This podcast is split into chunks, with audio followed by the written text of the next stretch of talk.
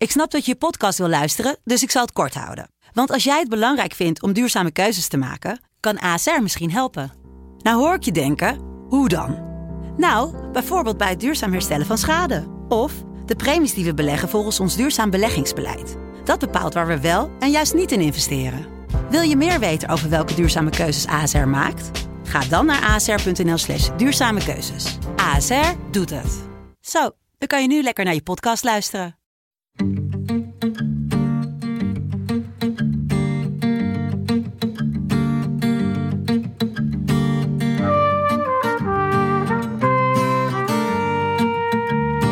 Nu naar het Centraal Station en dan sla ik die gasten helemaal de tyfus in. Ze zijn eh, licht ontvlambaar, ja, de mensen daar. Eh, ja, magisch. Je moet ook niet overdrijven. Puur leed van maken, eerlijk gezegd. Ja, maar zo, zo praten we altijd. Ik heb het idee dat hij ontzettend van zijn leven geniet. Wat een afschuwelijke onzin is dat. Schaam je, schaam je, schaam je, kapot.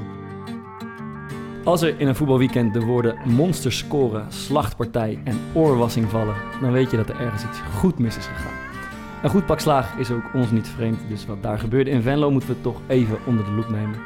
En verder zetten we vandaag onze maatschappelijke ambities een beetje kracht bij en hebben we het over de altijd gevreesde spelhervattingen.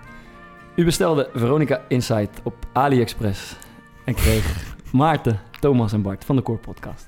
Met aflevering 10. Leuk. Goed Leuke gedaan, variant. Ja. Goed gewerkt. Ik heb Ja. er weer op zitten broeden hoor. Ja. Thomas, jij eh, net onder de, onder de MRI vandaan. ja, ik heb lekker eh dutje gedaan. Dus uitgeslapen en wel eh, kunnen we starten. Wat is er onderzocht? Eh, mijn enkel. Ik eh, heb foto's laten maken van mijn enkel een tijdje geleden, omdat ik al eh, nou, best wel een lange tijd last heb. En toen bleek dat ik mijn enkel ooit een keer gebroken had, zonder dat ik het wist. En nu? Wat een bikkel, hè? Oh, wauw. Strijden. Strijden. Zo. Easy in strijden. Ja. Nee, maar nu, eh, nu gaan we dat verder onderzoeken en kijken of, of daar... eh, ik heb er wel wat last van, dus... Heb je helemaal geen idee iets- wanneer het ooit... eh Nee, ja, er er zijn, moet wel iets van een klapmoment zo geweest. ja, er zijn toch? twee momenten waarop het eh, gebeurt. Eentje bij Excelsior en eentje nog bij, bij Sparta. Heb ik twee enkel blessures gehad. Dus een van de twee moet geweest zijn. Een paar keer laatst is van de trap gevallen. Ja, die, die kan ik me niet meer herinneren. Dus. Oh. Jongens, eh, we moeten het toch even over hebben.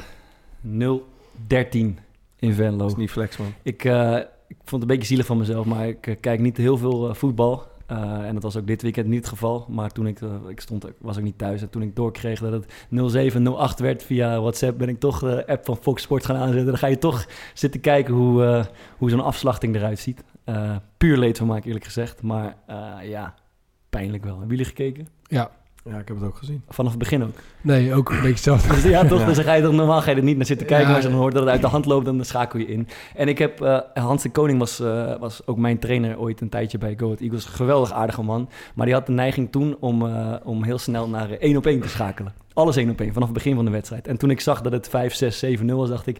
ik hoop toch niet dat Hans de Koning heeft bedacht dat alles één op één moest gaan gebeuren tegen Ajax. Ik weet niet, heeft hij dat überhaupt gedaan of heb je, heb je het niet Nee, dat, dat, heb ik niet, eh, dat heb ik niet gezien. Nee, het was gewoon alsof, eh, alsof we tegen een derde klasse... Bij Excelsior eh, hebben we een paar keer tegen een derde klasse geoefend. En het zag Ja. er een beetje hetzelfde... Hoe kan, het nou gebeuren? hoe, kan het nou gebeuren dat je zo ongelofelijke opdoffer krijgt? Ja, 013 is wel ziek, man. Ja, dat is toch echt zien. Ja. Maar misschien zouden we volgende week eh, Luigi Bruins moeten vragen hoe dat kan gebeuren. Dat, ah, die stond... eh, Die was aanvoerder van de Ja. Feyenoord. Ja. Die- Ja, die was blij dat zijn record eh, En het was, op, het was precies zoveel jaar geleden. hè, tien, jaar, tien jaar geleden. Ja. Ja, bizar. Maar eh, Wat- wat, is jullie grootste nederlaag? We hebben toch allemaal wel Je kan het ook aan. Adil vragen, dat was zijn debuut. Was het 10-0? Die, Ja. eh, was die, oh, ja, ja, ja, pijnlijk. Thomas, hebt- wij hebben ook een keer met 8-0 verloren. Ik eh, deed gelukkig niet mee die dag. ik jij ook wel. niet. Nee. Maar wat is jouw grootste nederlaag? Tegen was dat dan 8-0? Fey- Feyenoord. Jezus. Ja, dat is een goede vraag. Zou ik niet weten eigenlijk. Ik heb altijd zelf iets op het veld. Ik heb natuurlijk ook wel een paar nederlagen achter de rug. Maar dan een soort van, als je een off-day hebt en het wordt 5-0 of 6-0 of 6-1 voor de tegenstander, dan valt het nog ergens te overzien. Maar zodra die 7-8 wordt aangetikt, dan, dan wordt het echt, echt armoedig. Maar als keeper is het denk ik ook wel echt extra zuur, man. Want iedereen kijkt toch een beetje eh, naar jou Ja, daarin. En ik heb eh, in de beloftecompetitie eh, zitten er ieder jaar ook wel wat van die uitschieters bij. ja. En bij Heerenveen eh hadden we een behoorlijk brede selectie, dus hadden we het heel goed op orde. Maar ik heb ook bij Go Ahead gezeten, eh, Mhm. waar we een wat minder brede selectie hadden. ja. Dus speelde ik in Zwolle uit, dat is nog zo'n soort derby. Ja, stonden voor me ook na, wat, na 20 minuten met 4-0 achter. Ja. Dat werd uiteindelijk voor mij 6-0. ja. Ja, dat is echt dat is afschuwelijk, man. Wat zou het eh, publiek hebben geroepen als, eh, als ze erbij mochten zijn? Ik denk dat ik het wel weet. zeg het maar. Schaam je kapot. Schaam je kapot. Een massale schaam je kapot Schaam is. je, schaam je, schaam je kapot. Ja. Wilden wij niet ooit toen we de podcast gingen dopen, hebben we nog heel veel gespeeld met het idee om het de schaam je kapotkast te noemen. Klopt, omdat we dat zo vaak over ons heen hebben gehad. Maar goed. ehm, maar wat, eh, ja. wat, wat, Werken zou, voor je geld, waarschijnlijk had ze ook geroepen. Ja, ja, ja. wat zou je doen eh toen als je trainer was geweest van VVV nu? Ja, je kan niet zoveel doen, behalve gewoon... eh, ik zou denk ik gewoon twee dagen vrijgeven. En dan daarna terugkomen, net doen of er gewoon niks gebeurd is. Ja, Niet op terugkomen. Maar, niet nee, over ja, wat moet je, moet je nou gaan analyseren? nee, je moet, het, je moet het denk ik wel als incident eh, behandelen. Ja. Tenminste, je mag hopen dat het incident dat het is. niet volgende week nog Ja, een keer... eh, Dus zo moet je het ook behandelen. Dat- En, en ja, ze moeten nu volgens mij weer voor de beker eh, VVV. Dus ja, Dat Ja. zou eh, Bram van Polen er hebben van hebben gevonden als hij eh, ik op het veld had gestaan. Ja, laten hem we- vragen. Laten we het hem vragen. Bram, eh, ja, dit is het verhaal van de Gifbeker die echt tot de allerlaatste druppel leeg moet. Ja, ja, dat zeg je precies goed. Ja. Wat dat betreft eh, ben ik blij dat het, eh dat het winststop is. Ik ben wel even klaar met het uh, tyfusvoetbal op het moment. eh.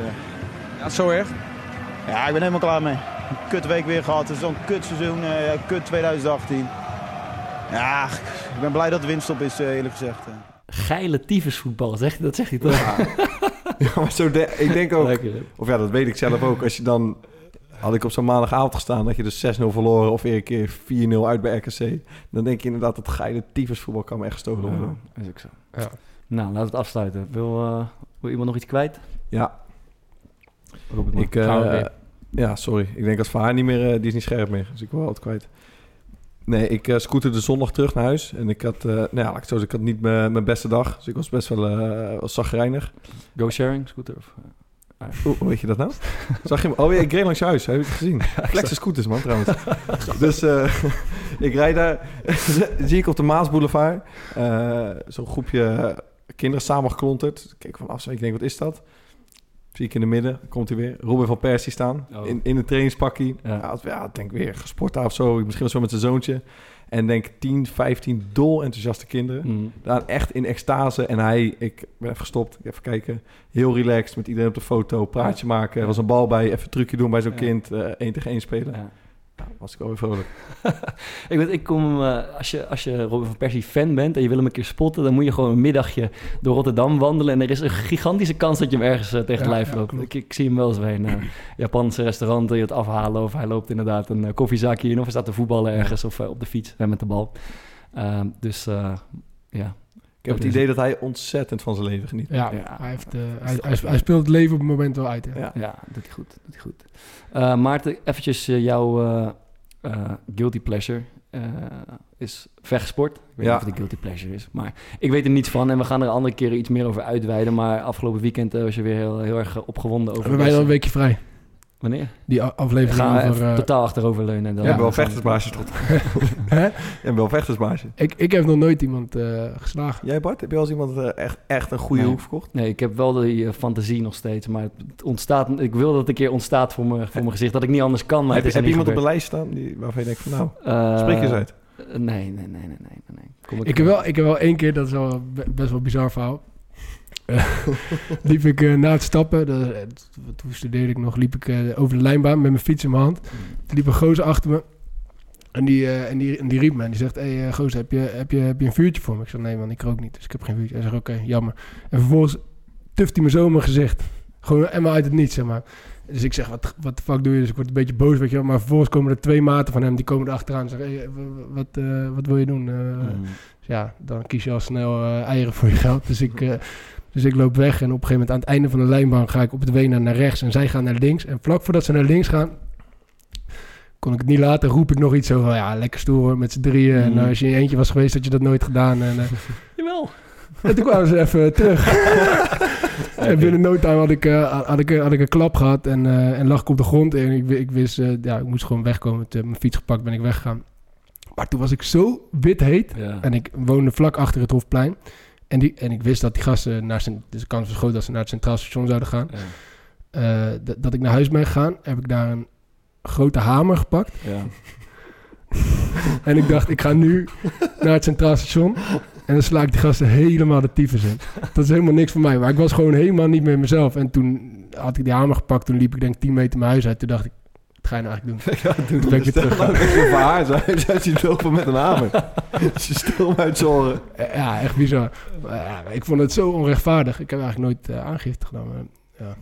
Dus ik heb wel een aantal keer, eh, meerdere keren een klap voor mijn bek gehad, maar nooit eentje gegeven. uitgedeeld. Fokker, jij? Kan me wat bij voorstellen. Jij, Nee, nog nooit uitgedeeld, nog nooit gehad. Maar toch ben je idolaat van deze sport. Ja, ik vind het echt prachtig. Kan je me iets heel even kort vertellen over deze Gabib die eh, afgelopen weekend eh, iets ja, gewonnen waar jij Nurmagomedov is een eh, MMA-vechter. Ja. Heeft een eh, professionele carrière gehad. Heeft hij 29 keer gewonnen. Hij, is, hij heeft nooit verloren. Mm. Nou, ik denk dat het grote publiek hem kent van zijn partij tegen eh, Conor McGregor vorig jaar. Ja. Natuurlijk, dat werd echt een, ja, een soort wereld iets. Ja. En hij was daarvoor al een ster, maar sindsdien echt een globale zeg maar, wereldster.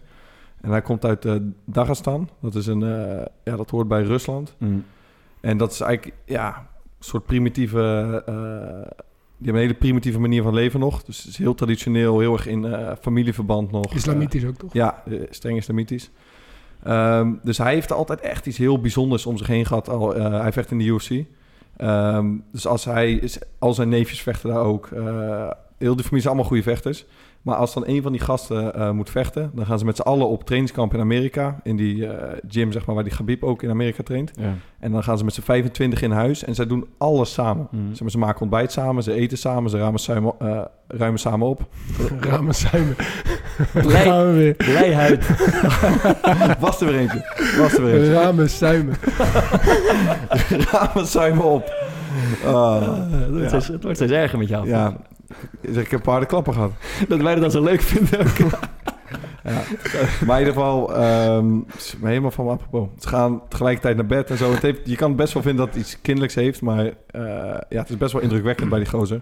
En het is gewoon een, ja, het is een bizarre vechter. Eh, hij kan heel goed, eh, hij is wel heel goed op de grond, in het worstelen. Extreem dominant. En hij staat ook bekend dat hij heel erg, zeg dat altijd vriendelijk is. Hij is altijd netjes. Thomas krijgt ondertussen een telefoontje van eh, de beste zaalvoetballer van het land. Emiel neem, Schelvis. neem gewoon op, neem gewoon op. Ja, neem op. Emiel Schelvis. Emiel. Thomas, Oh. goeie jongen. Ja, goed met jou. We zitten eh, in een eh, eh, opname van de aflevering van de podcast. En we dachten, ik neem gewoon... eh, Ik, kom, ik, ik ben nu live in de uitzending. Ja, ja, je bent live in de uitzending. Ah, jongen, wat een hoogtepunt van mijn carrière. Ja. hij, vond het toch, hij vond het toch helemaal niks? ik ga even vier uur op een woensdagmiddag van... Ja, ik ben op weg naar de Champions League. Even iets ander level dan jullie eh, joh bewegen. Veer? Ik heb, ik heb zowaar eh gisteravond een half uur naar jouw eh geploeter zitten kijken. Met jullie geploeter. Maar eh, nou, dat was nog goed ook. Nee, maar ik wil even zeggen. zondag ben ik bij Ziggo. eh, zie ik Marco. En dan ga ik het voorleggen om te vragen of hij een keer met jullie, jullie passie uiteraard à la Gordon Lekker. aan aan zijn wensen waar dat moet plaats hebben. Uiteraard trainingen en wedstrijden wederdienende. Maar ehm, eh, dus ik, ik ben jullie niet vergeten. En eh, hij was erg op dreef afgelopen zondag over spelregels. Ja. En over, hè, dus het is echt wel iets wat hem eh, aan het hart gaat. En ik moet ook eerlijk zeggen dat ik zelf inmiddels ook de weg kwijt ben. Want ik kreeg gisteravond een wedstrijd voor me kiezen. Waarbij de VAR volledig genegeerd werd. Terwijl als er bij strafstopgevallen nou ooit een reden was geweest om nog eens strikt terug te kijken, was het gisteravond wel bij Milan-Roma. Ja. Maar eh, deze heer die vond het helemaal niet noodzakelijk om eh, zijn ongelooflijk idiote beslissingen terug te draaien. Dus ja, weet je wel, en in Nederland eh, is VAR eh, ondertussen degene die alles bepaalt. Zie, zie Makkeli Nijhuis als meest ultieme, maar een scheidsrechter op 5 meter staat. Goed. Hey, ehm, Ja. Ga vooral door met slap lullen, want het is hartstikke leuk om naar te luisteren. Groeten daar aan eh, Maarten en, eh en Bart. Goed is terug. En eh Bart, ik reken op binnen drie wedstrijden een keer een rode kaart. Oké, Emiel. Bedankt. Hoi. Ik vind het zo mooi. want Emiel heeft uh, hamert ieder, iedere keer op Thomas zegt jou dat we het kort moeten houden. Ja, normaal, normaal, normaal gesproken zijn mijn telefoongesprekken met Emiel niet zo lang. Nee. Maar ja, wel, het gaat wel regelmatig over het Italiaans voetbal. En hij, hij doet vaak zijn beklag over de, over de VAR en over handsballen. En, eh, en dat Juventus altijd eh, geholpen wordt. Maar hij had het erover, dat mensen het ook een beetje begrijpen. Ja. Wij hebben gevraagd, wij willen een keer iets eh, over spelregels doen met, eh, met Marco van Basten. En Ja. we dachten, via Emiel hebben we wellicht een ingang. Ja, die zit ook regelmatig bij Ziggo. En, Ja, ja en we, nou, blijkbaar gaat hij er. Dus, Marco, alsjeblieft. Goed, eh Gabib. Ja, zo, zo. ik wil één week, ik wil één week. Hij is- Nee, zijn- ik- ik Was, was het, wel was het een goed verhaal? toen? Ja, ik, Ja, dacht dus, goed vaak. Ik zag, ik zag jou ineens een beetje lachen toe, en naar je telefoon kijken. Ik denk, godverdomme, komt die buzzer. maar het was nog erger. Het was Emiel Schelvis. nee, Maar- oké. ehm, zijn vader is een aantal maanden geleden overleden. Ja. Ehm, en hij heeft heel vaak in interviews gezegd... want zijn vader is ook zijn hoofdcoach. eh, ik vecht niet zonder mijn vader. En nou, ik had eigenlijk verwacht dat hij eh, hierna nog wel nog een partij zou eh, gaan vechten. En hij werd dus... na het gevecht is hij gelijk op zijn knieën gaan zitten, gaan bidden. Werd hij extreem emotioneel. Heeft hij zijn handschoen uitgedaan. Ehm, zeg maar de pers in, de, in dat interview eh, te woord gestaan. En heeft hij gezegd van... eh, ik, het is nooit mijn intentie geweest om zonder mijn vader te vechten. En mijn moeder heeft me eh, verteld dat ik niet mag vechten zonder mijn vader. Dus Mhm. dit was het. Dus dat was wel echt een... eh Ja, was kippenvel. is hij ook op, dus hij is niet op een leeftijd om te stoppen, maar hij is gestopt omdat zijn Hij- vader niet hij meer is- zich heeft. In zijn eh, gewichtscategorie, en ik denk dat hij de gewichtscategorie daarboven ook fantastisch zou doen... Ja. is hij met afstand de dominantste vechter die er bestaat. Dus hij zou zeker nog een aantal jaar eh, door kunnen. Best goed verhaal. Ja, goed verhaal. Het eind was beter dan het begin. Dat is ook niet makkelijk hoor, dit. Ehm, Ja, zullen het we- werd wel een beetje opgefleurd door Emiel, maar dat had je ook nodig. We hadden het nodig. Dankjewel, Emiel. Eh, we gaan even naar iets anders. Eh, en we hebben het vorige week gehad over, eh, over maatschappelijke betrokkenheid. En ik wil even iets over delen. Ik ben zelf sinds kort lid geworden van Common Goal. En dat is een organisatie die de, de kracht van de voetbalwereld gebruikt om, om iets goeds te doen voor de wereld. En ehm, ik wil even uitleggen wat ze doen. De voetbalwereld is echt iets, iets machtigs, toch? De, het is de grootste, de populairste sport in de wereld. Er is superveel aandacht en exposure en geld. Er is gewoon genoeg van alles. En zij gebruiken die, eh, die, die voordelen, die gigantische voordelen van het voetbal... om zich een beetje in te zetten voor, eh, voor verandering in de wereld. En, eh, en het idee is simpel. Ze, dragen, eh, eh, ze vragen voetballers om, eh, om 1% van hun salaris af te staan. En, en daarmee worden meer dan 130 goede doelen eh, in de Dan moet ik wereld een factuur sturen. dat is niet veel. Dus, het, is niet, het is niet genoeg. Vind Ja, ik. dat krijg ik van hun. Ehm, en daarmee worden inderdaad eh, 130 goede doelen ge- geholpen die, eh, die voetbal inzetten om, eh, om de grootste uitdagingen in de wereld van deze tijd eh, te tackelen. Dus, dus eh, eh, eh, armoede, ongelijkheid, eh, klimaatverandering, dat soort, dat soort thema's. En het is eh, eh, onder andere gelanceerd eh, door Juan Mata, speler van Manchester United. En, en inmiddels hebben ook namen als, eh, als Jurgen Klopp, eh, Mats Hummels, eh, Paulo Dybala, Timo Werner. Heel veel spelers hebben zich daarbij aangesloten en die storten dus 1% van hun salaris eh, in, dat, in, de, in die organisatie, waarmee ze eh, een hoop eh, bewerkstelligen. En eh, tot voor kort was er, was, het viel mij op dat er eigenlijk nog geen één Nederlandse speler was. En, en ik, was heel erg ik was geïnspireerd door die verhalen die ze me vertelden. En ik, en ik dacht, dit, is een, dit is als je niet weet, als je toch iets wilt doen... eh, en je weet niet precies waar je, waar, waar je naartoe wilt... dan is dit voor voetballer een hele mooie organisatie om je bij aan te sluiten. Eh, en eh, wat ik mooi vond, is ik vertel dit tegen jullie... en jullie zijn allebei ook bereid gevonden... of in ieder geval geïnteresseerd geraakt om, om het zelf te doen. Klopt dat wat ik zeg? Of we Kan spreken een voor tientje in de maand ook nog mis. Nee, zeker. Maar ik vind het, eh, ik vind het een heel tof verhaal. Ja, Eh, en ja, ik vind het heel bijzonder dat het in Nederland... Ik had er eigenlijk nog nooit van gehoord. nee, misschien is dat... eh, ja. En ik, ik vroeg het aan mijn, eh, mijn vriend Morten Torsby in Italië. Ja. Daar was het inderdaad bekend. En Ja. eh, een heel aantal jongens daar eh, doen het ook. Ja, Dus ja, het lijkt me hartstikke mooi. eh, Ja.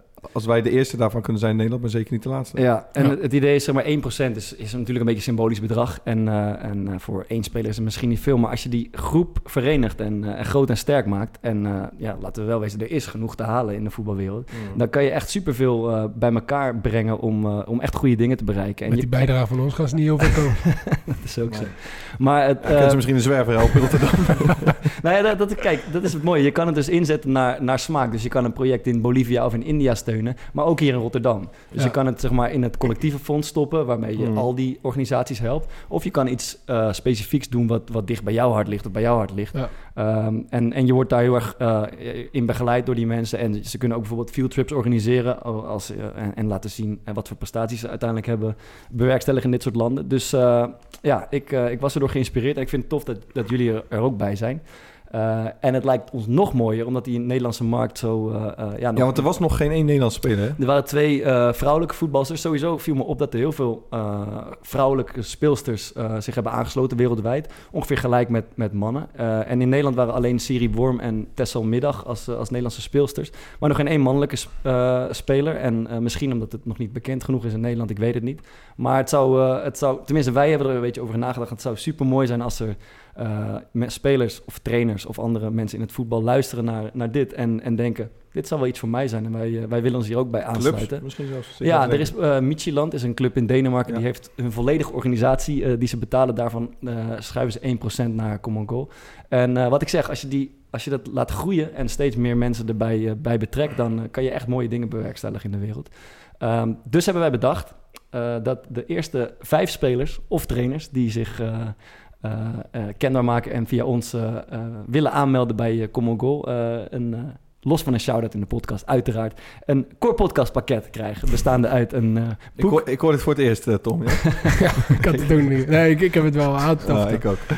Bestaande uit een, eh, een boekje van Maarten. eh, en een eh, plaatje van Thomas. En een eh, souvenirtje uit Rotterdam eh, van mij. Ja, Dus, dat eh, las ik dus en toen dacht ik van, wat gaat Bart nou in Ja, de hemelsnaam in ik- dat, in dat pakket Dan staan? gaan we eens eventjes eh, op de speler Moeten we even het heel snel tussendoor. Niet, volgens mij moeten we naar één iemand onze platen opsturen, man. Van vorig Ja. seizoen. Ja. Oh, wat erg. Zijn we het weer vergeten? Jee, wat... Ja, wij schieten een beetje Ook- tekort in die prijzen. Hè, want we Ja. moeten ook nog een mijn keer... broers eh, is er vandaag, die kunnen we misschien lief aankijken. die en, gaat- eh, Nee, dat komt goed. Oké, maar eh, toch? souvenirtje, waar zie je aan te denken? Ja, ook een beetje op maat gemaakt. Ik denk eh, eh, sowieso een eh, Rotterdams biertje voor eh, bijvoorbeeld Bram van Polen. Lijkt me iemand die daar wel eh, eh, geschikt voor is. En Ja. verder ga ik het eh, op maat maken, als je het goed vindt. Ja, zeker. Cool. Dus dan, eh, nou ja, dat... eh, dat Ik voel een maatschappelijk speler van het jaar eh, Nee, aankomen, toch? Nee, nee, nee, nee, nee, ja, jij zegt hij is campagne aan het voeren. Nathan Rutjes van AliExpress. Zo, heb je, die, heb je trouwens die nieuwe eh, reclame van Toto gezien in samenwerking met KNVB met Nathan? Nee. Nee. Ja, die is echt fucking Is geniaal. goed? Ja. Ja, ze hebben een soort van speelbewust campagne gedaan. En met Nathan. En dat heet dan Op het matje bij Nathan Rutjes. Ja. En dan is hij zo'n soort lifestyle coach die, eh, die heel zen met allemaal eh, gokkers eh, gaat vertellen. Bepaal je, bepaal je speellimiet, weet je wel. En, dan zit hij zo op zijn matje, zit hij zo te mediteren, weet je wel. Dus ik zou hem echt kijken. Hij is Oh, fucking zeg. geniaal. Ik moet zeggen, zijn zoontje heeft een heel groot Instagram-account, Lavetsi. Ja, ja. Ah. En ik, ik had in het begin dacht ik wel van, ja, moet je dat nou doen en zo met je kind? Maar toen zag ik laatst ineens, volgens mij op Nederland 3, Ja. hij presenteert gewoon een eigen televisieshow Ja, ja. over Wie is de Mol. Ja. En ik moet zeggen, hij doet het echt geniaal. En ze, en ze deden ook samen, volgens mij, in die, eh, in die, tijdens die lockdown hadden ze samen zo'n soort beweeg, Ja. zo'n soort dansbeweegprogramma. Weet je wel, net zoals, eh, hoe heet dat, hoe heet dat programma dat je ochtendgymnastiek doet op Heel televisie. Holland in beweging. Ja, ja. in beweging. En dat had hij, dat, commandeur. ja, ja, dat, en dat had Nathan samen met zijn zoontje. eh, Ja, dat ook weer. eh, dus, Karel ja, Noten- Karel Noten zocht ik. Deed hij dat ook? ja, ja, dat deed het ook, ja. Ik vind het mooi, die naam. Dat is Karel weer mooi. Ga verder. Diederik Stapel. Ja. Eh, nee, het liefste mannetje denk ik van, eh, van, eh, van het land. Lavetsi, wat een naam ook. Ja, maar dat is zo mooi. Dan Rutjes. gaat hij, ik, ik vind het echt mooi. Dan heeft er iemand van die, dan gaan ze van die fragmenten. Ja. Dat iemand bij de Wie is de Mol dan een soort mollenstreek doet. En dan staat zo in die kamer te kijken en zegt hij... Dat vind ik verdacht. Jij krijgt een puntje van mij. En dan gaat zo dat puntje ophangen. Echt top. Mooi. Goed. Jij nog wat meegemaakt, Bart? Nou, ik denk dat we naar het hoofdonderwerp van, eh, van de week mogen. Als jullie het, eh, als Thomas het Ik goed vind het vindt. goed. Eh, standaard situaties, spelhervatting, hoe noemen jullie dat eigenlijk? Ja, Standaard. spel- Ja, ja, standaard spel. We hebben, het, eh, we hebben, we hebben een breed eh, perspectief aan tafel. We hebben een keeper, we hebben een eh, verdediger en een, een aanvaller, alias cornernemer, denk ik. Eh Ja. Ooit geweest. En We gaan op de training wel zelfs met links en rechts. Oh, wat goed zeggen. Dat was zo, ja, ja. Moest, hij, moest ik indraaien, toen stond hij erbij. En toen gaf hij van die hele voorzichtige balletjes. Maar ze vielen best wel goed. Want Nee, nee, het was gewoon eh, die, eh, Ronald Graafland, die, die, dat is ons keeperstrainer, maar die heeft nu ook eh, de spelervatting in Ja. zijn, in zijn portfolio. Ja. Eh, dus dan hebben we één keer in de week trainen we eventjes op spelervattingen. En toen, ze- die zegt ineens tegen mij, van, ja, ze nemen eh, vanaf de linkerkant nemen ze ook indraaiend. Kan jij die nemen? Ik zeg, ja, gaaf, is met, moet ik met rechts? Hij zegt, ja, gewoon met rechts. Ik zeg, nou, ik zeg, goed. best goede ballen. Eh, ja, ik kan helemaal niks Hij, met rechts. hij moest hij daar, ja, maar die waren best goed. Ja. Moest hij daar met links, Ja. eerste twee, niet over vijf meter. zien. Nou, dat is eigenlijk de, gelijk waar ik mee moet beginnen. Want ik snap heel goed dat mensen week in, week uit in het stadion zitten... en zich kapot ergeren en zich afvragen... hoe kan het dat er van de tien corners vijf aardig aankomen... drie laag zijn en twee te hoog zijn? Hoe is het mogelijk als je iedere dag op het veld staat? Is het, en ja... eh zelf probeer je antwoord te geven. Is het nou zo moeilijk om zo'n corner te nemen? Staat er te veel druk op? Eh, of wordt er gewoon nooit op geoefend? Nee, ik, ik denk dat het ermee te maken heeft met Toja, kan ik beter zeggen. Eh, die bal die dan zeg maar de, de vijf meter niet voorbij komt, Ja. die is eigenlijk altijd gemikt op die zone, een beetje bij de eerste paal. Mm. Ehm, Want daar is hij het lekkerst om binnen te knikken. Maar ja, daar staat vaak ook de grootste van de tegenstander. Ja. Dus is eigenlijk maar... eh, er is een bepaalde plek dat je weet... als ik hem daar leg met snelheid... Ja, dan wordt het levensgevaarlijk. ja. Maar dat is echt een hele specifieke plek. Ja. En die bal moet dus hard. Ja, en dan komt hij nog wel eens niet van de grond. Ja, en, eh, ja, als ik naar mezelf kijk, dan... eh, Je dan- een paar op kniehoogte genomen ook. Ja, ja en, ook, en ook een paar die uitgingen aan de andere kant, weet je wel. Ja, ja. je neemt zo'n corner gewoon... eh, eh, je weet door, als je hem hard trapt, Ja. dat, dat, hij dan, dat hij dan tien keer gevaarlijker is dan Ja. als je een pisboog... Ik kan natuurlijk altijd gewoon eh, met een pisboogje erin leggen. Dan komt hij altijd op dezelfde plek, maar dat is super makkelijk om te verdedigen. Ja, ik vraag me eigenlijk, eigenlijk af. Als, als je nou tien keer een bal met redelijke zekerheid... eh, al dan niet een beetje traag Ja. voor de goal weet te krijgen... Ja, ik zit- vind het helemaal niet zo nee, slecht ja, bal, maar, hoor. Nee, Ja. ja. maar, maar het gebeurt gewoon ook wel eens dat je een bal niet goed raakt. Ja. En, eh, en, en, en soms lijkt het alsof die heel slecht is. Dat is het verhaal van Fokker. Maar soms is hij ook gewoon heel slecht. Ja. Maar dat, dat gebeurt ook gewoon als je, als je gewoon eh, trapt. Ja, dat, dat bepaalt natuurlijk je kwaliteit. Ik bedoel, Ja. eh, La- Lasse Schöne, Ja. die, die, die gaf ze allemaal bij, vrijwel allemaal perfect. Maar er zaten Ja. ook wel eens eh, mindere tussen. En ja, als je een vrije trap krijgt, zit je hem ook niet altijd binnen. Ja. Eh, er zijn een paar die dat wel hebben. Een paar die dat niet hebben. Dus, dus ja, Ik vind wel wat. Ik vind als keeper echt een bal met snelheid Ja. honderd keer kutter dan eh Ja? zo'n langzaam. Eh, ja, omdat, ja, precies. Want ik- kijk, als je hem langzaam- bal dan kan de Zo keeper langzaam, weet je hoe lekker dat klim is. Ja. Of, of als iemand hem met zijn vreef gaat nemen. Dat Ja. snap ik nooit, man. Nee, de dat snap ik met- met je vreef. Ja. Dat begrijp ik. Dat, kan, dat is ook Dat heel is moeilijk heer, die, die kan je perfect Ja. inschatten. En zo'n bal die met je daalt en met Ja. effect. En die Ja. dan hard getrapt wordt. Ja. En dan komen een paar van die hyena's op je af. Maar toch, ik, eh, ik zie iedere corner oprecht als een kans. Ik denk elke keer, we gaan, we ik, ik mag weer naar voren, naar voren stormen en ik zie echt een, een kans om, om, om een doelpunt te maken eindelijk. En dan, ehm, eh, dat is gewoon totaal afhankelijk van de nemer van de corner Ja. uiteindelijk. Dus we verzinnen allerlei varianten. Ik probeer in te stormen in de eerste paal, dan een keer tweede paal en de spits doet een omloopactie en een blokkie. Eh, maar totaal afhankelijk van de, van de nemer van de, van de bal. En die is eigenlijk in vier van de tien gevallen gewoon niet goed genoeg.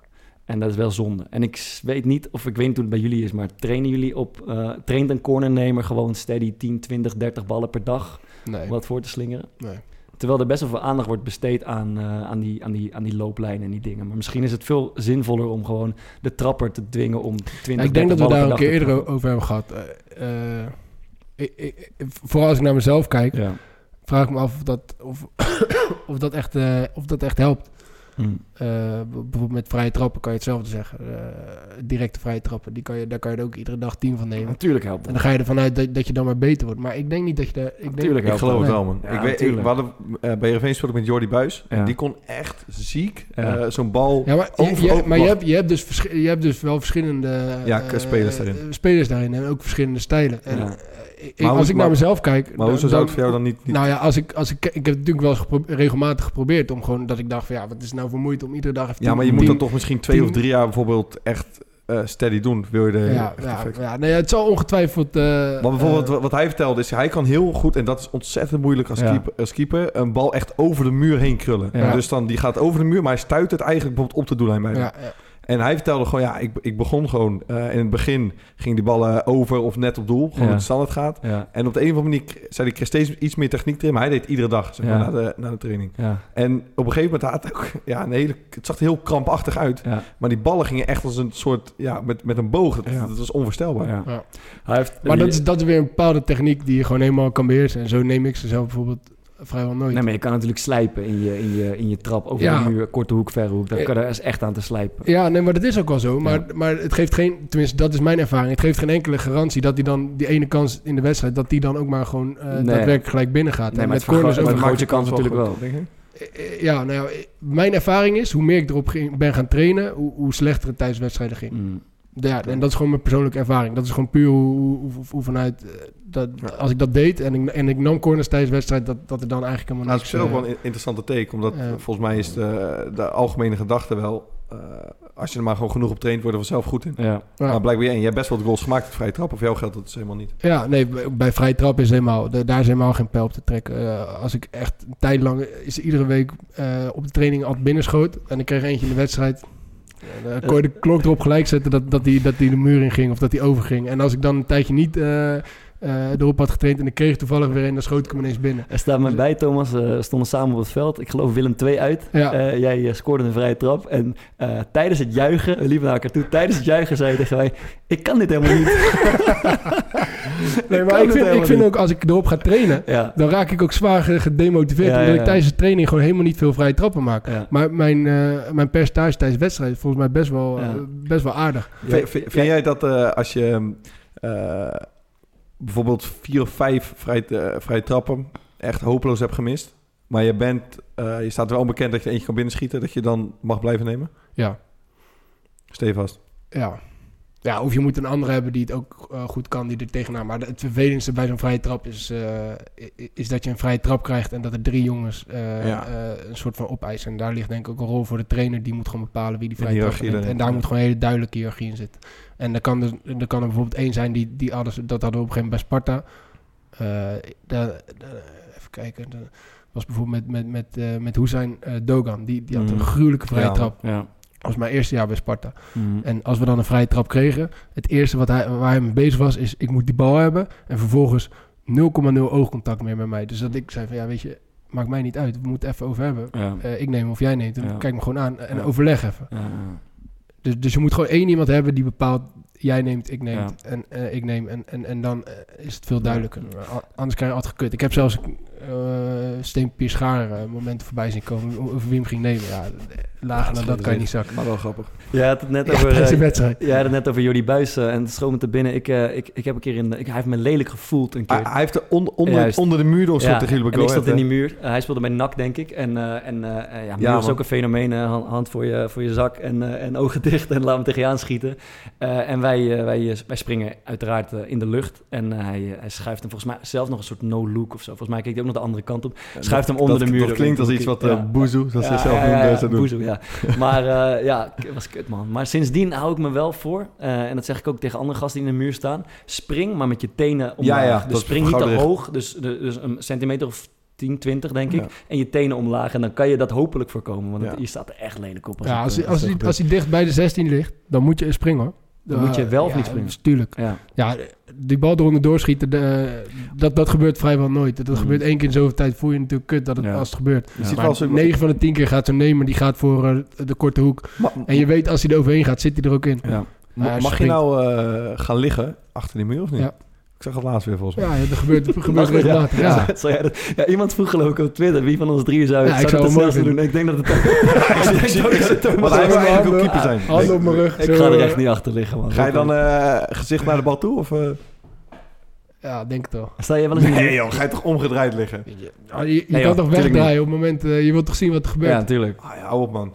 Ja, gewoon head first. Hoe Is het Shaki wel eh, echt onbedekt man? Ja. Hey, wordt, eh, trainen jullie er vaak op? Corners, vrij trappen? Eh, maar gewoon als team bedoel je? Ja. Altijd dag voor de wedstrijd. Eén ja, keer. of de dag daarvoor. Eén Oh keer, ja, sorry. Als wij 11 tegen 11 doen, hebben we het wel eens. Ja. Ja, één keer heel, soms misschien wel eens twee keer. Ja. Maar ik denk, Ja. normaal gesproken altijd één keer. Ja. Wij, eh, wij ook, één keer in de week. En eh, vanochtend was het, was het weer het geval. Eh, Kreeg en- je wel eens wat binnen dan? Nou, ik denk dat we 20 corners hebben genomen. Geen één goal. Geen één kans tot een goal bijna. Dus misschien... Het, het was helemaal niet zo slecht werden genomen. Maar misschien tekent het ook wel... Ik weet helemaal niet of daar de de statistiek kans is helemaal niet zo groot. Hoe moeilijk het is om uit de corner te scoren. Terwijl we toch het idee hebben... We zijn hier een grote kans aan het, eh, aan het creëren Ja. met elkaar. Ja, we hebben dat boekje. Ja. ja corners, corners moet je kort nemen. Ah, mijn, dit is mijn grootste ergernis, man. Eh, dat- eh, dat mensen corner, ook eh, dat met z'n allen voor, vooruit stormen en dat, die, en dat, die dan, eh, dat ze dan een tikkie breed geven, nog een tikkie, waardoor de, de, de vrije eh, voorzetkans opeens een hele moeilijke voorzetkans Ja. wordt en een half balletje weggekopt en alles weer voor niks gedaan. Ja, ik denk dat het puur afhankelijk is van eh, de kwaliteit in jouw elftal. En de, de kwaliteit van de nemer is denk ik bepalend. Ja. En de kwaliteit van de koppers ten opzichte van de koppers van de tegenstander. Ja.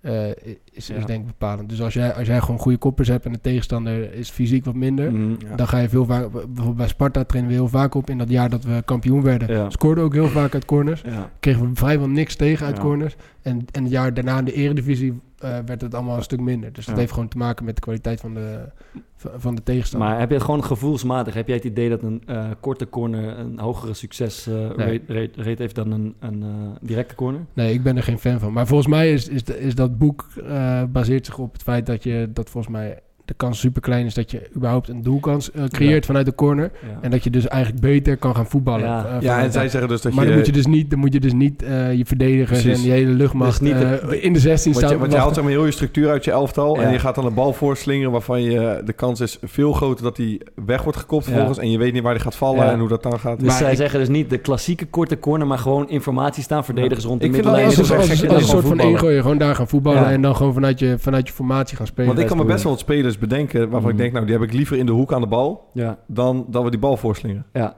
ja, ja. ja. Het, het zou best wel interessant zijn, denk ik. Als je gewoon vanuit je eigen formatie, zeg maar, zo'n zo corner als een soort van, als een soort van ingooi eh, eh, gaat nemen.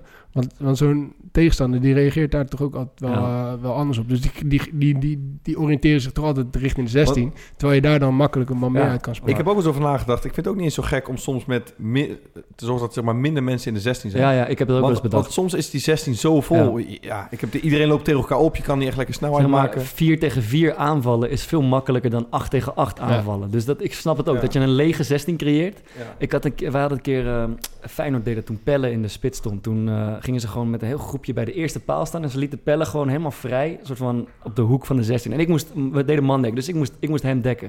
En het was kut, jongen. Dan gaven ze gewoon zo'n bal. En dan werd het eigenlijk een soort één op één gevecht tussen mij en hem. Terwijl hij een wereld super sterke groot lijf Ja, heeft. Je Dat niet veel gewonnen, denk ik. eh, nou, die, die dag ging het, eh, god, goddank goed, maar het had zo anders kunnen, eh, kunnen aflopen.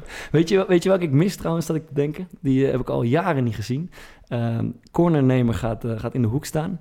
Zo'n tikje. Doet alsof hij hem gaat nemen, rolt hem een heel klein beetje. Gaat dan een beetje aan zijn neus zitten, aan zijn schoen zitten. Dan komt er een andere speler aanwandelen. Die doet alsof de, die de volgende cornernemer is. En dan sprint hij er met de bal vandoor. En dan Ik heb hem een keer zo tegen gehad, man. 16. Ja, Ja, in de, in de, ik kan het nooit meer vergeten. In de D2 bij Feyenoord werd ik gefopt. Klein blundertje tegen een Poolse elftal. dan ging hij erin ook. Ja, oh, man. lekker. ja, Bloempie. volgens mij hebben ze, daar, hebben ze daar de regels soort van eh, op aangepast. Dat, je, dat die bal eh, moet Ja, ja, rollen. maar hij, hij moet een hele omwenteling gehad Ja. hebben, volgens mij. Voor, voor, Ja, voordat die überhaupt eh, maar dat kan in principe is. nog, als je net een beetje goed toneel speelt. Ja, ja. Maar, eh, Ja, maar dat- dan ligt hij wel echt van die lijn af, zeg maar. Het, Ja, punt ja. is dat, het punt is dat als een tegenstander door heeft, Ja. dat de scheidsrechter nooit en, en de nimmer dan door zou laten gaan, dan zegt hij van ja, hij is nog niet, dan kan je gewoon zeggen van ja, we hebben hem nog niet genomen. Dat hebben we ook wel eens gehad. Ja, dat je een soort van door had. En dat je dan door hebt. En dat die scheids afluit van je Ja. loopt te Ja. vroeg. eh, wat doe je? Ja. Ja. Het, ik, maar het was heel eventjes een tijdje dat, dat heel af en toe terugkwam, maar ik zie hem al lang niet meer. J- jullie hebben mandekking, hè, Bart? Ja, Eh, eh, ja, we hebben mandekking. vind, je dat, vind je dat relaxed? Of heb je liever zonne?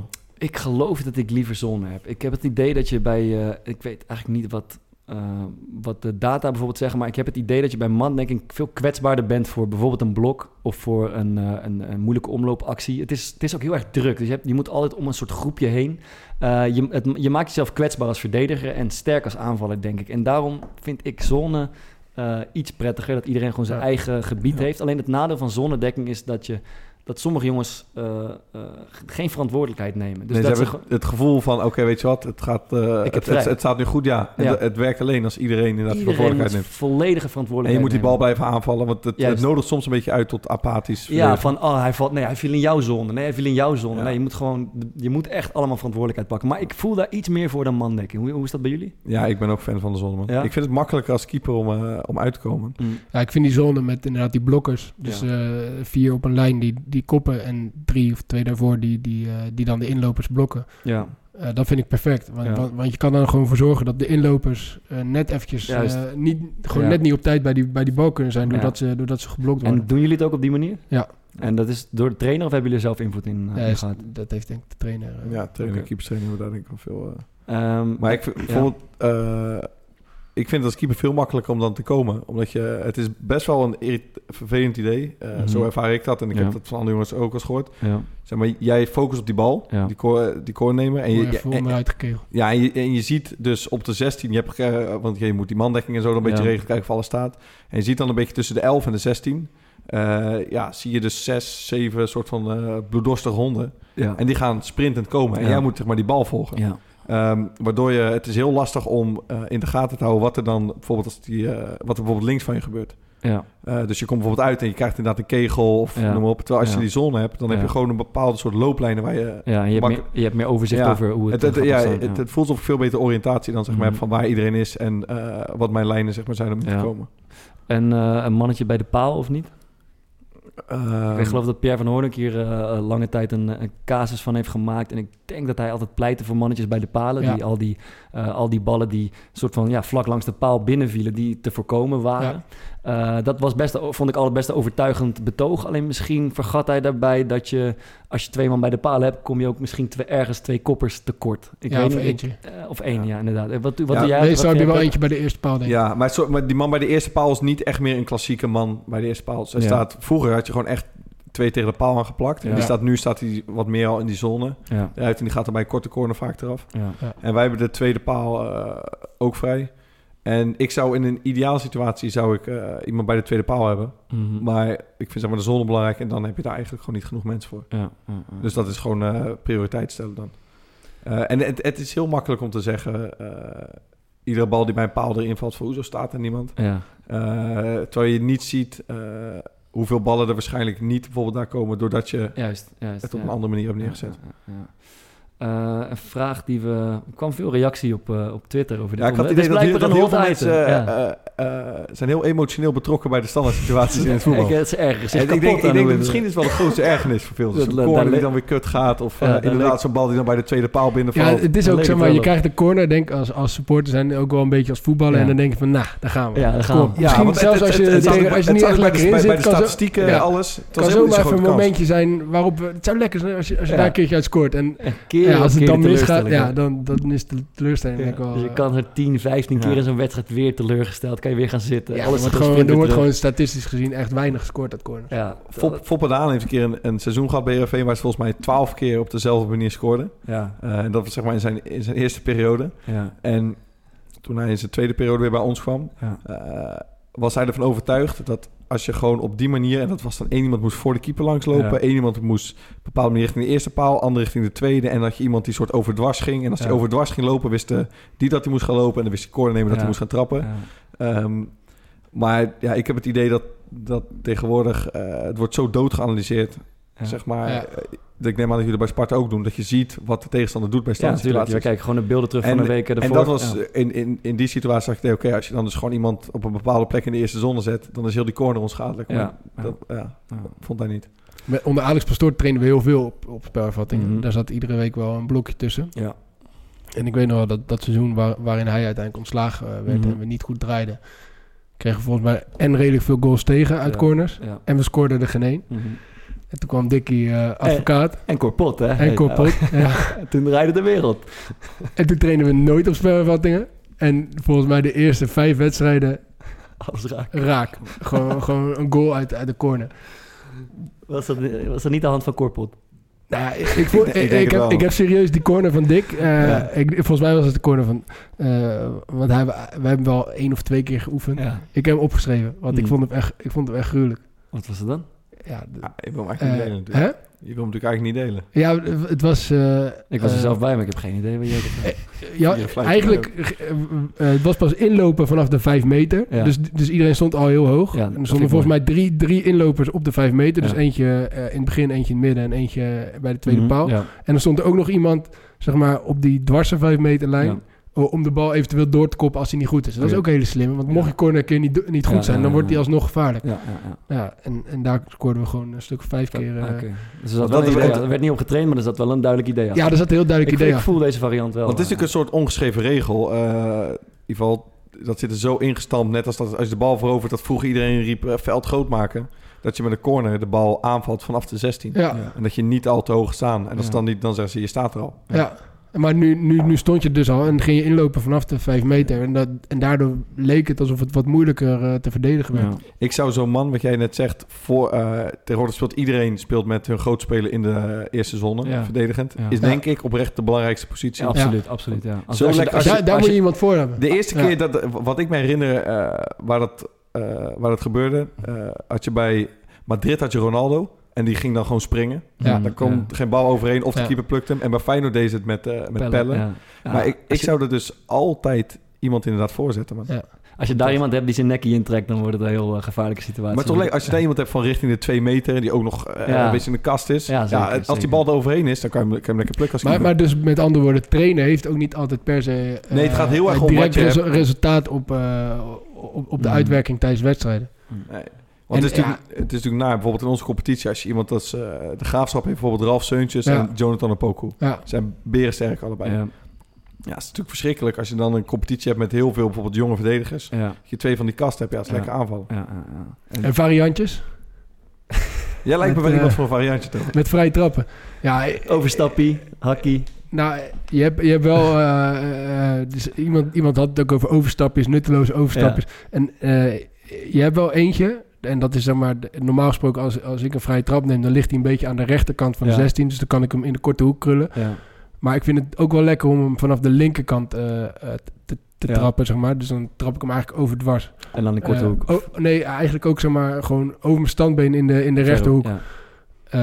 Eh, en, en dan is het echt heerlijk om, om een, om een eh, rechtspoot te hebben die over het balletje heen, heen loopt. Dus die doet alsof hij hem neemt. Want, het, want de keeper die, die, die Ja, maakt automatisch een... Die, die staat zeg maar Ja. in, in die lange hoek. Ja. En die houdt er rekening mee dat die rechtspoot hem gaat nemen. Ja. En die stapt eigenlijk automatisch een, eh, eh, een klein beetje Ja. richting die, die, Is dat die korte hoek. Ja. En op dat Ja, moment ja. kan je hem... eh, Ik, ik wou het net gaan zeggen, want dat werkt vice versa ook. Als, je- als jij er dan overheen stapt, Ja. hele goede kans dat de keeper dan die beweging maakt eh, Dus richting zijn lange hoek. effect, ja. ja. Ik heb het eens één keer, eh, eh, dat ik bewust weet, speelden we met VV bij Achilles uit. En toen deed ze hem zo, maar Ja. ik had het zeg maar door. En daardoor pakte ik hem in de korte hoek, Mhm. eh, in mijn eigen hoek. Ja, Toen dacht ik van zo, weet je, echt eh Ja. gruwelijk gedaan. Maar dat is zoiets wat niemand dan ziet. Ja. Maar hij ging die groot ging die overstap doen en Ja. toen dacht ik... Lullig ook. Zit ook niet mee. Nee, is kut van. Nee, het was, duurde niet lang voordat ik... We wonnen een periode daar en eh, het duurde ie? niet lang daarna. Nee, nee. Maar dus het heeft wel degelijk effect als hij zo'n overstap, dat heeft effect op de beweging van de keeper, zou ik zeggen.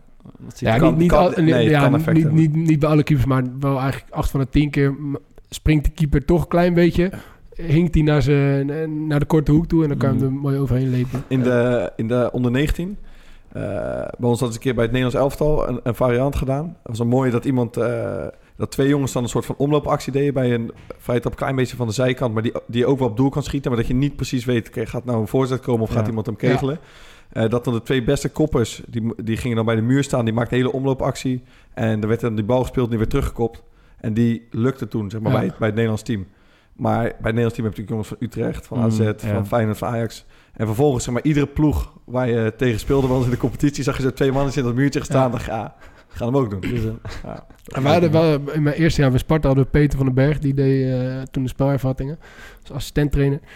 En eh, hij had echt een paar mooie variantjes met omlopen en inlopen. Ja. En, en, en, en dat, dat ging dan alleen maar over het omlopen. Dus dan, dus dan bepaalde de nemer zeg maar, wat hij Ja. ging doen. Die, die gaf dan een seintje met zijn Ja. handen omhoog. Twee handen was de tweede paal, e- e- één hand was de Ja. eerste paal. En dan wisten dan de, degene die moest inlopen. Gewoon eigenlijk drie hele simpele eh, kleine variantjes. ja, En- je moet en- het simpel houden. ja, eh, eh, en dat, en dat werkte gewoon. Dan heb, je, dan heb je drie opties. En Ja. een van die drie opties ga je doen. Alleen je moet wel eh, zorgen dat je zeg maar, de ene wedstrijd, het ene seintje, het, eh, Ja. de ene Ja, variant is. Dat je niet altijd hetzelfde doet, want dan word je. eh, Misschien dan de heeft iedereen je door.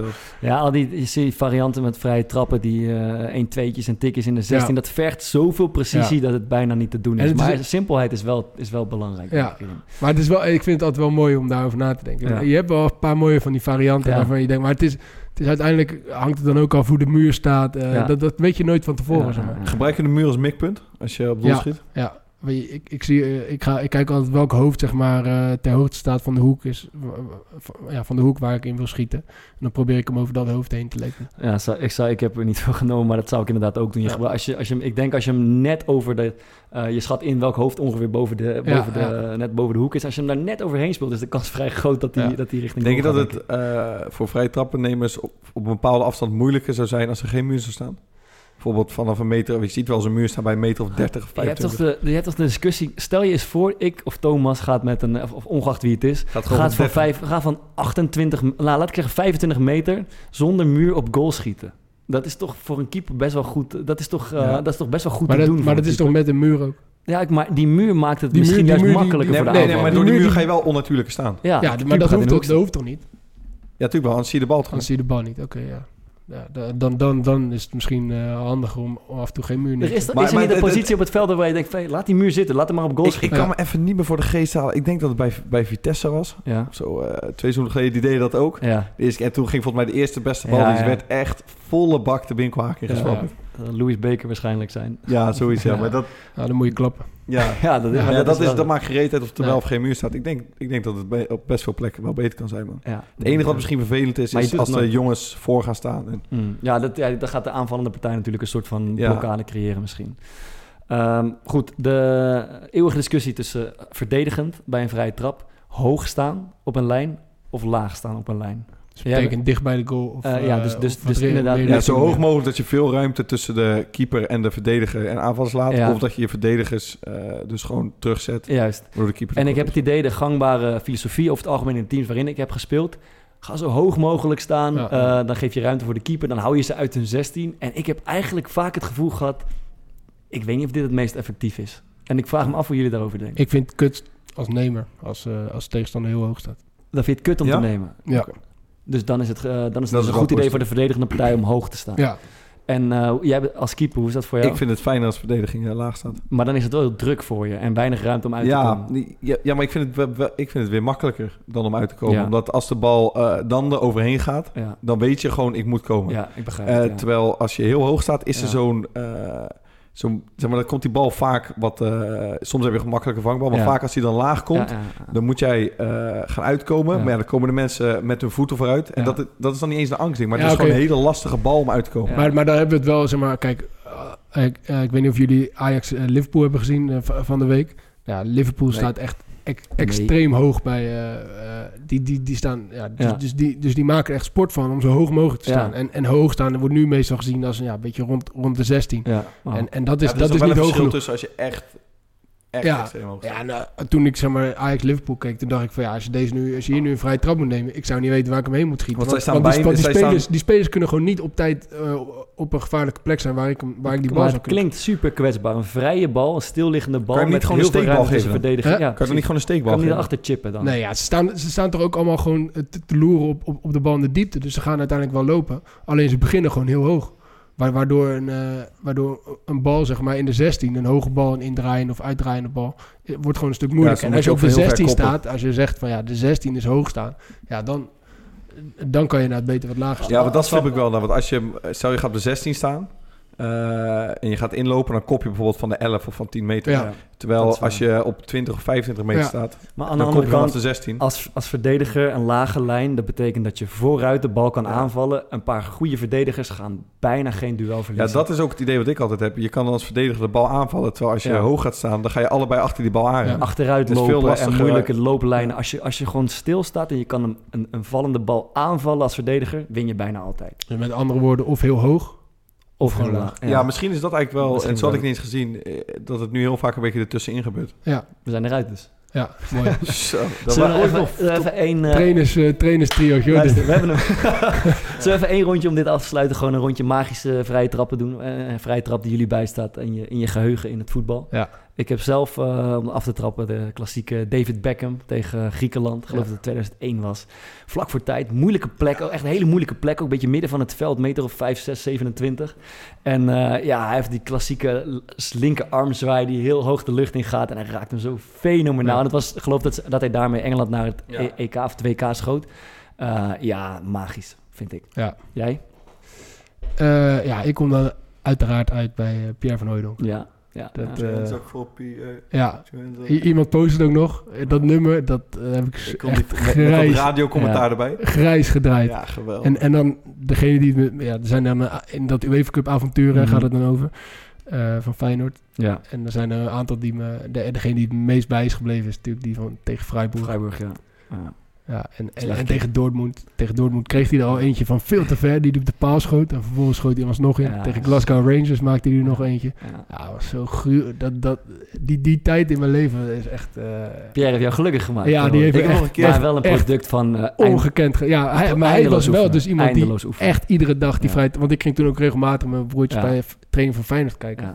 Maar het is ook een hele leuke oefening om te doen, vrije trappen oefenen. Ja, ik snap eigenlijk niet dat het, eh, dat het zo weinig gebeurt. Ik heb nog een keer op een eh verdwaalde zondagmorgen moest ik eh meetrainen met, met Jong Feyenoord. Ja. En dat was Van Hooydonk assistent-trainer. Heb nog lekker vrije trappen staan schieten.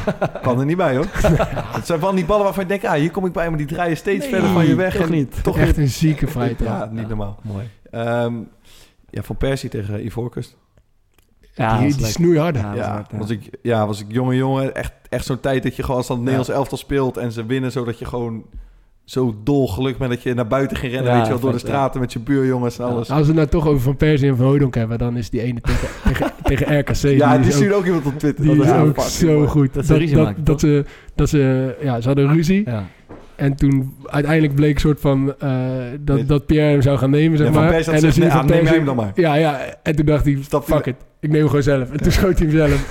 Het stond 0-0 tegen RKC volgens mij in de 87e minuut. Ja. En dat, dat is het ruzietje volgens mij nog steeds. Ja. Het is nooit meer goed gekomen tussen de twee. Nee, ja. dus ik, kan hem, ik zat in de Kuip, ik kan me nog als de dag van gisteren herinneren. Mooi. Ehm, ja. Aanradertjes maar doen om af te sluiten. Leuk. Eh, zal ik beginnen? Ik heb eh, van de week... eh, eh, met die onthoofding van die, van die Franse docent is het weer een, een actueel thema. eh, radicale islam en eh, de, de- die martelaarsdood, de verheerlijking daarvan. En ik zat van de week te kijken naar een tweedok van Sinan Chan. En het heet aartsvijand nummer 1. En hij ging in gesprek met Samir A. Ja. Die was ooit aartsvijand Van de nummer 1 Hofstadgroep. van de Hofstadgroep. En eh ja, überhaupt dapper dat hij, ik weet niet hoe hij hem ter, hoe het interview heeft kunnen fixen met hem, maar het was een, ja, een beetje zorg, zorgwekkend eh, interview. Die vertelt eh, honderd uit hoe, zij aan het beramen waren toen om een aanslag in Nederland te plegen die verijdeld is. En hij noemt eh, een mogelijke optie de kerncentrale in Borselen. Zou wel ludiek zijn, vond hij. En anders was het een aanslag op het AIVD-gebouw of op de Tweede Kamer. En de, het idee is dat deze jongen, die nu vastzit, overigens gederadicaliseerd zou moeten zijn. Maar ik, het, stelde me niet, het stelde mij niet erg gerust. Maar ik vond het een hele dappere documentaire van, eh, van Sinan. En ja, ik vroeg me eigenlijk af waarom zou deze Samir A hier in godsnaam aan meewerken. Maar het was wel het, eh, het kijken waard. Dat was hem. Ja, ik heb een eh, tv-programmaatje eh, van eh, Rianne van Dorst. Hmm. Nachtdieren heet het. Het gaat over eh, het leven in de nacht. Ze gaat dan de straat op. En Ja. eh, ze is volgens mij een jaartje of drie is ze daarmee begonnen. En toen begon ze met een eh, pilot in Rotterdam. Die Mhm. vond ik echt fucking geniaal. Ja. Dus ze legt op prachtige wijze bloot hoe de, nou, hoe de mensen die s s'nachts over straat lopen, hoe, ja, wat, er mis is met hun leven en weet ik het wat. En daarnaast is ze ook fucking scherp en maakt ze echt gruwelijke woordgrappen. Vind en, ik weinig mensen zo grappig als haar. ja, zij is fucking grappig. Maar eh, er hoort ook nog... de- de- ja, die, die afleveringen die worden een beetje omgeven door een beetje duistere, melancholische muziek. En ze hebben dus ook een eh, afspeellijst gemaakt op Spotify met alle muziek die daarin eh, gedraaid wordt. En er zitten echt een aantal pauwtjes van, eh, van, eh, van nummers tussen. Dus dat is mijn, eh, mijn tip. Zo vriends, eh, bij jullie afspeellijst in november wel weer... eh, Ja, ik heb al wat in mijn hoofd, dus ik ben, het, ik ben erbij deze maand. Mooi, mooi, Ik ben er mooi. weer bij. Mooi. Ik kom ook met een tv-programmaatje deze week. Eh, Project Rembrandt is eh, van de NPO. Iris. Vond je dat mooi? Ja, vind ik echt een schitterend mooi programma. Heb je het ook gezien?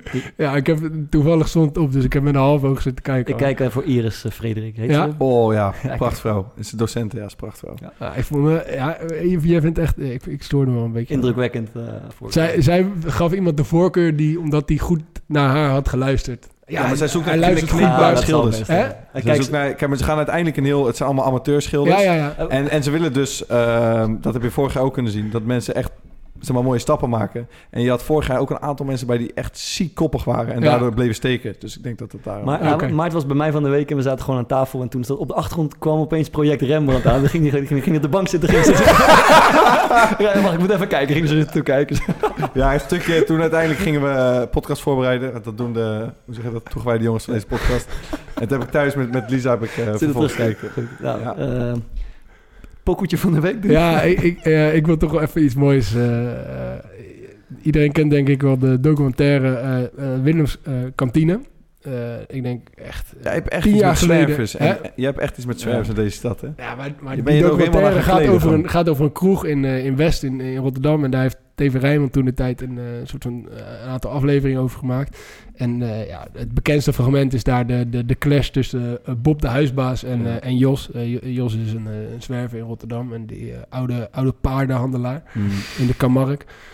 En, Paardenkoper, verkoper. Paardenkoper, ja, wat moet je dan in je leven? Nou, de aantal geweldige quotes zijn eruit gekomen. Maar Jos die zingt op een bepaald moment zingt hij een, een, een nummertje. Ik wil het toch eventjes laten horen. Daar komt hij. You hear me? Can you hear me? Through the dark night, fucking far away, to be near you. Who can say? Ja, op dat moment is hij net eh, uit het leger des Heils eruit gegooid. Klinkt als een scooter door een tunnel. eh. Ja, ja en, eh, hij zit er totaal niet lekker bij. Maar ik kan me zo voorstellen dat het vrijwel niemand... eh, eh, tenminste, ik heb op een bepaald moment een studie van gemaakt... van ja, welk nummer zingt hij nou eigenlijk? Mm, Want dat heeft ja. hij natuurlijk niet zelf verzonnen. En eh, dat is eh, het nummer wat ik erin wil gooien. En het is eh een nummer van Rod Stewart, Daar gaan we. Sailing. Dank voor het luisteren. We gaan naar Rod Stewart luisteren. En eh, volgende week zijn we terug. Hoi hoi.